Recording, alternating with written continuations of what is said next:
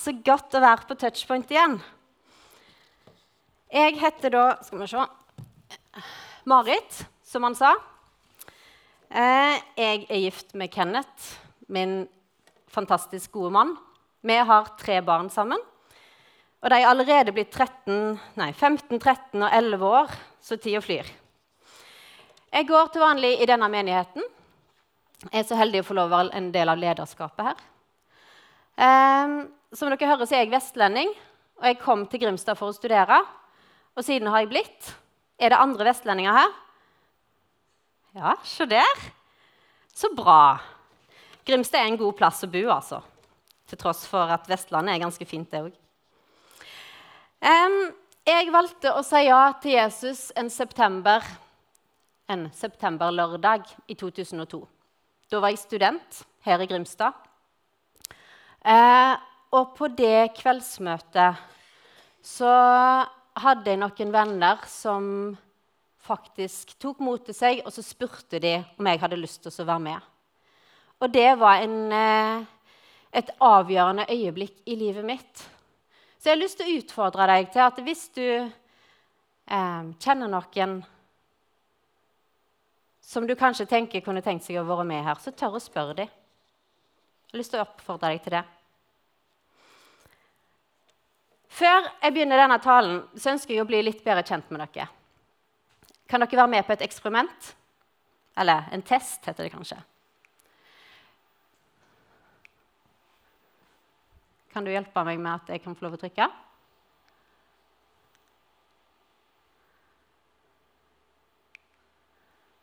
Alltid så gøy når sånt virker.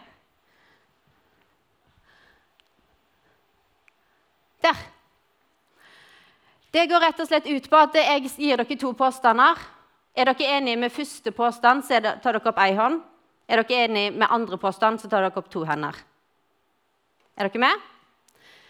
Første er det første gang du er her på Touchpoint, eller har du vært her før? Så bra. Mange har vært her, men det er faktisk noen nye. Så gøy. Velkommen. Den neste tingen er er du spontan, eller er du planlagt? Ei hånd for spontan og to hender for planlagt. Det er noen som er veldig usikre. Da er du kanskje litt planlagt hvis du ikke er liksom der. Snakker du før du tenker, eller tenker du før du snakker? Ja, det, det er forskjell. Så gøy. For vi er forskjellige. Veldig bra. Handler du først og tar konsekvensene etterpå? Eller analyserer du konsekvensene i hæl først, for så å handle etterpå? Mange som har to hender. Noen har faktisk ei hånd. Bra. Du som svarte med ei hånd på disse tre siste spørsmålene her, du ligner kanskje litt på han som vi skal snakke om i dag. Men hvis du, sånn som meg, svarer med to hender, så har vi kanskje litt å lære av han som vi skal snakke om i dag. For i dag skal vi bli litt bedre kjent med Peter. Og Peter han har en god dose spontanitet i seg. Han snakker før han tenker, og han handler før han har vurdert konsekvensene. Men så er det nettopp dette som er så kult med Peter. Han tør. Han våger å gjøre det vi andre ikke tror er mulig. Og han sier det vi andre så vidt tør å tenke. Men før vi skal se på noen av hendelsene i Peters liv, så skal vi bli litt bedre kjent med Peter. For Peter han var fisker av yrke. Sammen med sin bror Andreas så drev han fiske i Genesaretsjøen. Og Andreas, bror til Peter, han var faktisk en av disiplene til døperen Johannes. Så han hadde nok hørt en del om denne Messias som skulle komme, og hadde helt sikkert fortalt dette, om dette til broren sin Peter. Peter han var gift. Vi hører om når Jesus helbreda svigermora hans. Og de tror også ganske bestemt at han hadde barn. Når Peter ble født, eller Peter ble født omtrent på samme tid som Jesus. Så når Peter gikk sammen med Jesus, så var han i starten av 30-åra. Og han hette opprinnelig Simon. Men Jesus han ga han kallenavnet Kefas, eller Peter på gresk. Og Peter, det betyr klippen. Og Det er jo litt interessant at Jesus gir han nettopp det navnet. For det er liksom ikke det jeg forbinder med spontanitet og impulsivitet. Men Jesus han så noe i Peter, og det skal vi komme litt tilbake til etterpå. Peter han var en av Jesus sine tolv disipler. Og I tillegg så var han en av de tre som var nærmest Jesus. Og Han har skrevet to av bøkene i Det nye testamentet, nemlig Peters brev 1 og 2.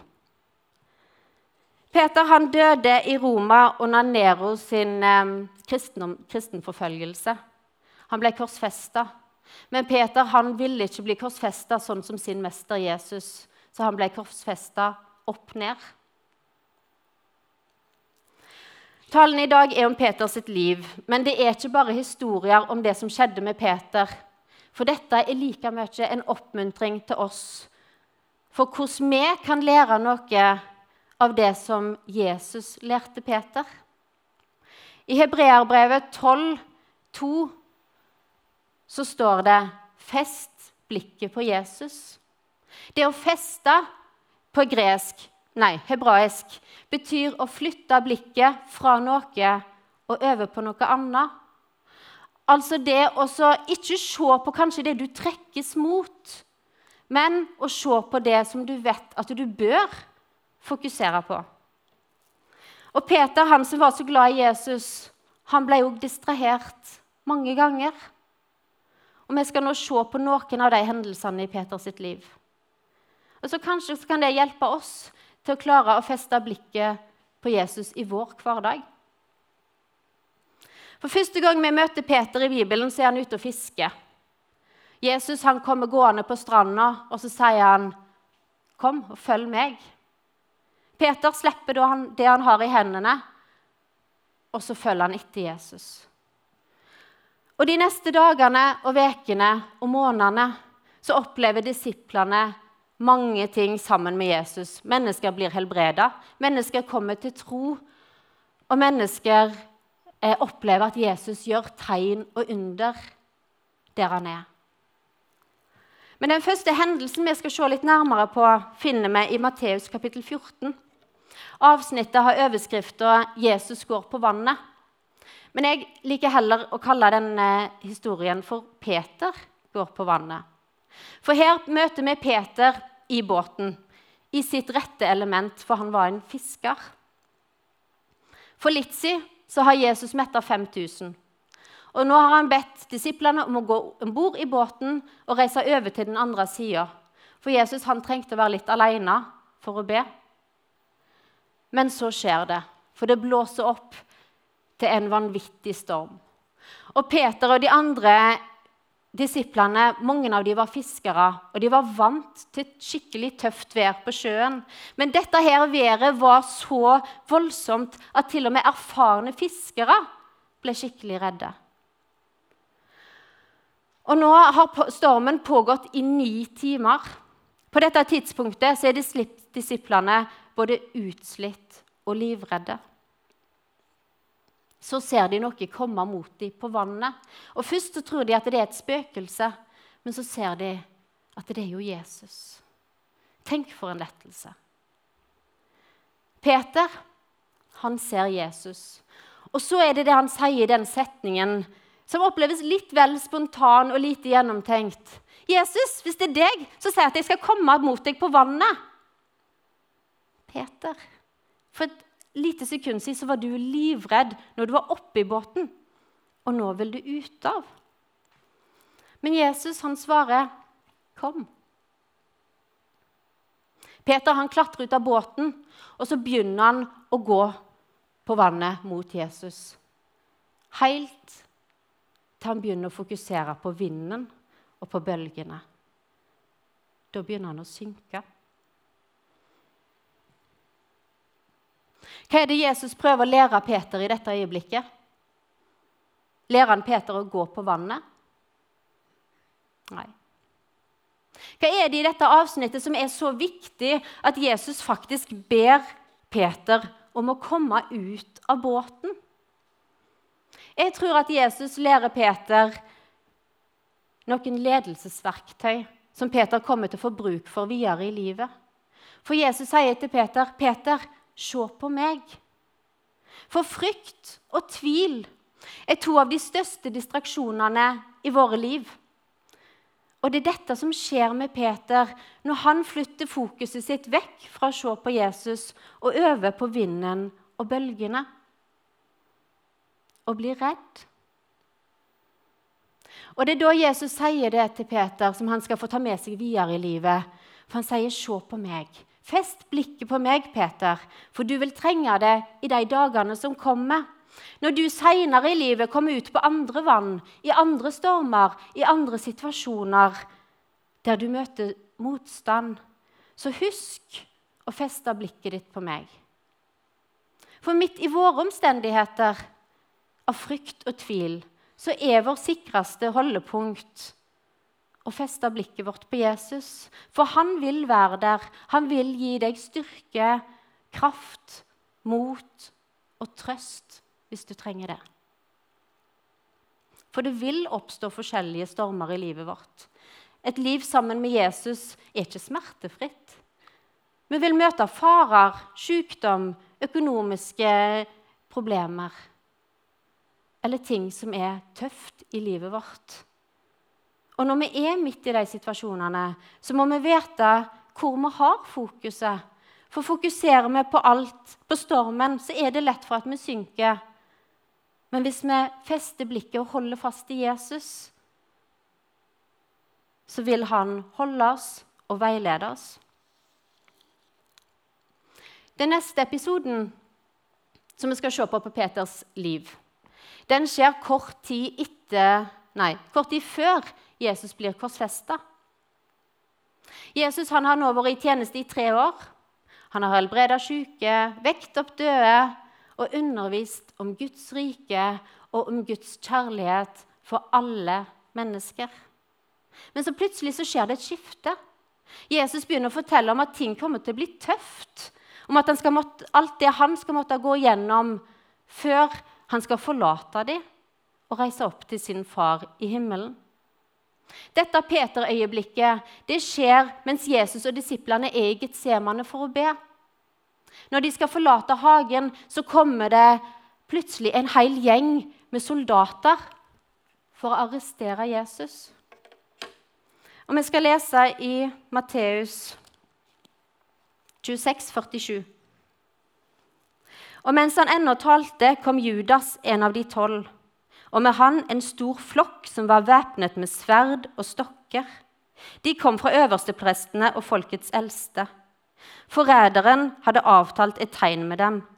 Den jeg kysser, han er det. Grip ham. Han gikk straks bort til Jesus og sa, Vær hilset, rabbi. Kysset ham. Og Jesus sa til ham, Venn, nå har du gjort ditt. Da kom også de andre til, og de la hånd på Jesus og tok ham til fange. En av dem som var sammen med ham, grep sverdet sitt, trakk det og hogg etter øversteprestens tjener og kuttet av ham øret. Hva er det egentlig som skjer her? Judas, en av Jesus sine tolv disipler, han forråder Jesus med et kyss. En hel flokk bevæpna soldater står rundt dem. Og Peter, han står og ser på det hele. De kom til å arrestere Jesus. Det er jo helt sjukt. Og Peter han blir så rasende at han tar opp sverdet sitt. Hva skjer? Og hogger av øra på denne soldaten. Peter. Jeg har lenge tenkt at dette her er en merkelig At dette er merkelig. Og jeg har ikke forstått helt Peters reaksjon. Men tingen er den at Peter han prøvde jo aldri å drepe denne soldaten. Det var ikke sånn at han bomma. Men det han gjorde, var å gi han en advarsel. Han forteller denne soldaten at dette her er på ingen måte greit. Og jeg kommer gjøre til det, det som står i min makt for å kjempe mot deg. Det Peter gjorde, var å forsvare sin beste venn, sin mester og sin leder. Men Jesus, han ser alt dette her. Så går han mot soldaten, så tar han opp øra. Så setter han det på plass, og så blir øra helt helbreda. Jesus han ser så på Peter, og det han sier, er ca. sånn Peter, hva gjør du? Vi kommer ikke til å vinne kampen på denne måten. For det som skjedde her, var at Peter han innså hvor urettferdig dette var. Og han beslutta spontant og uten analyse å gå direkte inn i bokseringen og kjempe. Og så etterpå kanskje se på Jesus og se om dette var ok. Men Jesus, han sier vi kan kjempe denne kampen her i hagen, men da vinner vi kun denne kampen. Men hvis du lar meg få vise deg hvordan vi skal kjempe denne store og virkelige kampen, så kan vi vinne det hele. For Jesus han hadde et større oppdrag. Han var på vei til å frelse verden. Og Peters fokus i nuet det var jo egentlig ikke galt. Det var urettferdig. Men hvis han istedenfor å dure på i sin egen impulsivitet hadde sett på Jesus og spurt han, hva gjør vi nå, så hadde han kanskje handla på en litt annen måte. Og dette er det viktig for oss å forstå. For det er mange kamper i vårt liv som trenger å bli kjempa. Men hvis vi lar oss distrahere av, av urettferdighetene som oppstår rundt oss, så mister vi kanskje fokus på målet. Starter vi kampen basert på følelsen akkurat i nuet, nå, og så prøver vi å løse det på egen hånd, tar valget på egen hånd, for deretter å spørre Gud hva er egentlig din tanke for denne situasjonen?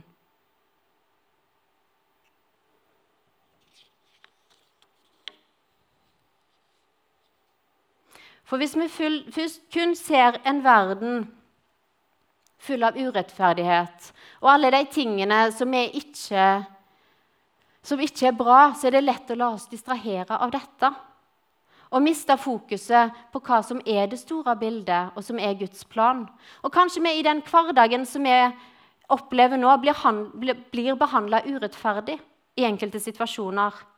Men så er det ikke alltid at det er lurest å bare slå tilbake med samme mynt.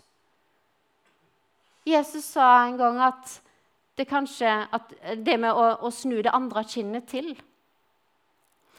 Jeg hadde en kollega fra en tid tilbake som var fryktelig frustrert.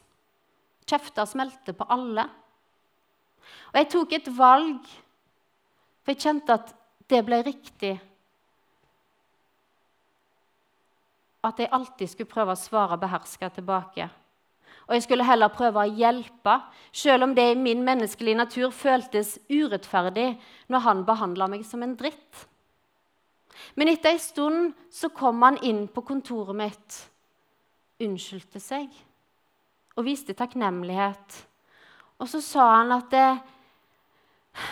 Eller han bemerka at det var noe spesielt her som han ikke kunne sette fingeren på. Og jeg tror at Gud virka gjennom meg. Han ga meg styrke til å stå i de situasjonene og til å handle på, handle på en måte som ikke falt naturlig. Men dette her ga helt andre resultater enn hvis jeg hadde bare slått tilbake.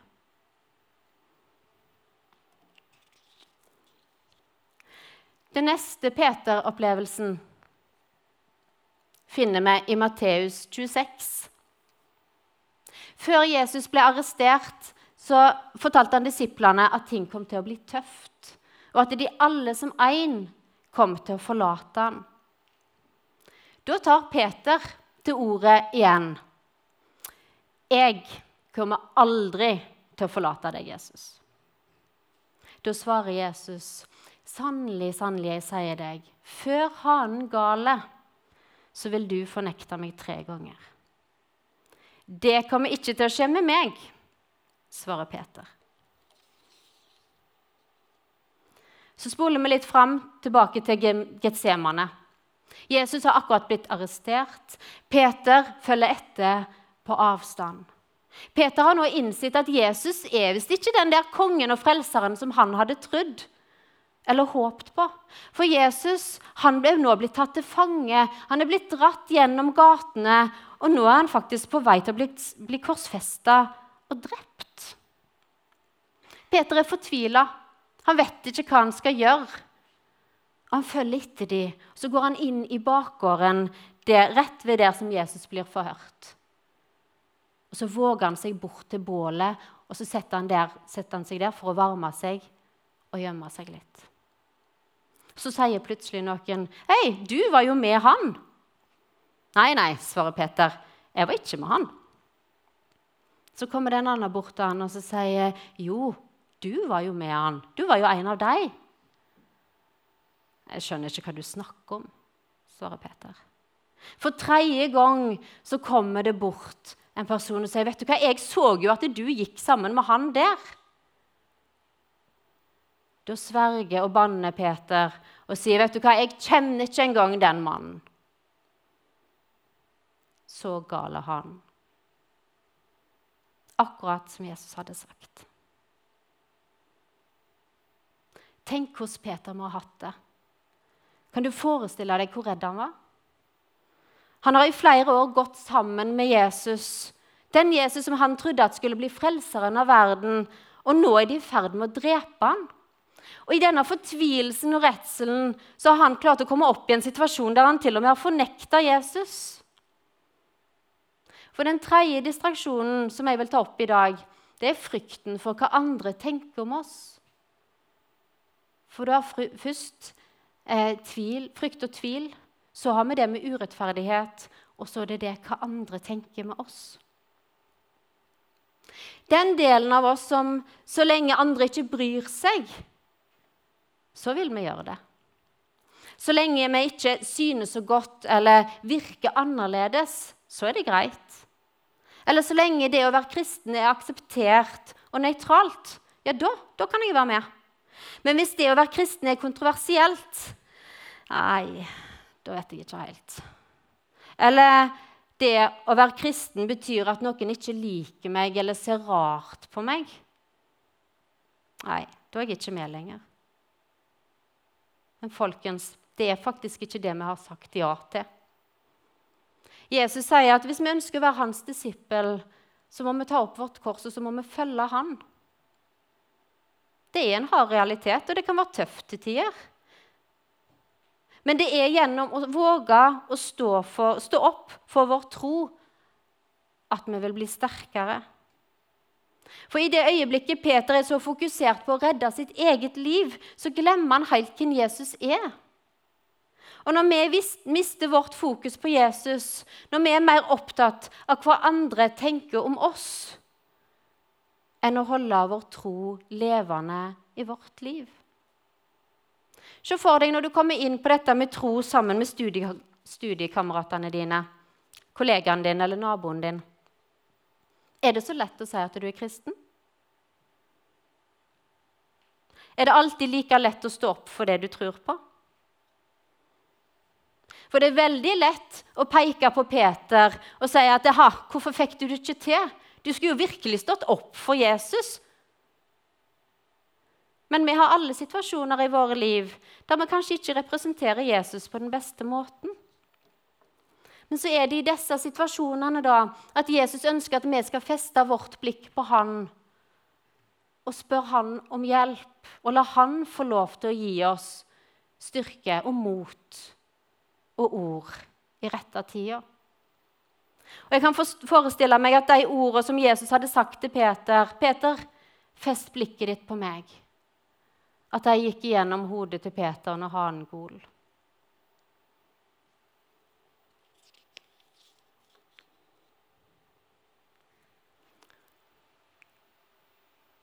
Ja, ta den etterpå. Så, på pinsedagen Jesus har nå dødd, han har stått opp igjen, og han har reist opp til himmelen. 120 mennesker er samla til et bønnemøte. 120 mennesker som fortsatt er gale nok til å tro på denne Jesus. Og de ber om det Jesus har lova at skal skje. Fordi han har lovt at når han, gå, skulle, når han forlot dem, så skulle de få Den hellige ånd. Og de ber om dette, men de vet ikke helt hva de kan forvente. Plutselig så fyller vinden rommet, og så kommer det ildtunger til syne. Og så begynner de å snakke forskjellige språk. Tungemål, står det. Og mennesker utenfor dette her høres. Så mange mennesker begynner å samle seg utenfor, og mange lurer på hva som skjer. Og jeg kan forestille meg at Disiplene de begynner å snakke litt seg imellom. Og så sier de du, det er masse folk der ute nå. Jeg burde kanskje gått ut og, og sagt noe eller fortalt noe, eller Og hvem tror dere blir utvalgt til å gå ut og prate? Peter. Den fyren som sank i vinden og bølgene. Den fyren som kutta av soldaten sitt øre, den fyren som fornekta Jesus, han er nå villig til å gå ut. Og Når Peter går ut, så begynner han å fortelle folka om Jesus. Det betyr ikke at det ikke var frykt i rommet, for det var det så absolutt. Mange var livredde for livet sitt etter at Jesus var blitt korsfesta. Det betyr ikke at det ikke var urettferdighet. De hadde nettopp drept Jesus. Mange trodde fortsatt at de aldri ville se han igjen. Og var de redde for å stå opp for sin tro? Det ville vi kanskje alle vært i den situasjonen. Men Peter han går altså ut og holder den første talen, noe som fører til den første vekkelsen i historien. Denne dagen tok rundt 3000 mennesker imot Jesus. Og vi er her i dag pga. det som Peter gjorde den gangen. Og Peter han hadde endelig forstått det som Jesus hadde prøvd og lært ham fra starten av. For når Peter går ut, så er det mennesker overalt. Men Peter ser ikke på menneskene. Han har øynene sine festa på Jesus. Han ser de øynene som så han i fiskebåten. Han ser de øynene som så han på vannet i bølgene. Han ser øynene til Jesus i Getsemane når han fortalte han at denne kampen måtte kjempes på en annen måte. Han ser øynene til Jesus som så han fornekta, og det i det vanskeligste øyeblikket for Jesus. Men nå har Peter festa blikket sitt på Jesus og forteller folket at Jesus han er veien, sannheten og livet. Han er den han sier han er, og han gjorde det han sa han skulle gjøre. Og at han er den oppstandende Messias. Vi skal jo nå gå mot avslutning. Men hvor er vårt fokus? Hvor er ditt blikk festa? Har vi fokus på tvilen, på urettferdigheten og frykten for andre? For hvis ditt fokus er frykt og urettferdighet, så er du på en usikker plass. Men din trygge plass er der du har blikket ditt festa på Jesus og lever med han. For Simon, med kallenavnet Peter, er klipp altså Kallenavnet Peter Klippen. Jesus han visste hva som bodde i Peter. Han visste at Peter ikke var perfekt, men at han var villig. Han var villig til å lære, og Peter han var villig til å gå. Og vi kan lære av Peter. Med vårt blikk festa på Jesus så kan vi få lov til å gå ut i hverdagen og få lov til å være hans hender og hans føtter midt i de omstendighetene som vi befinner oss i.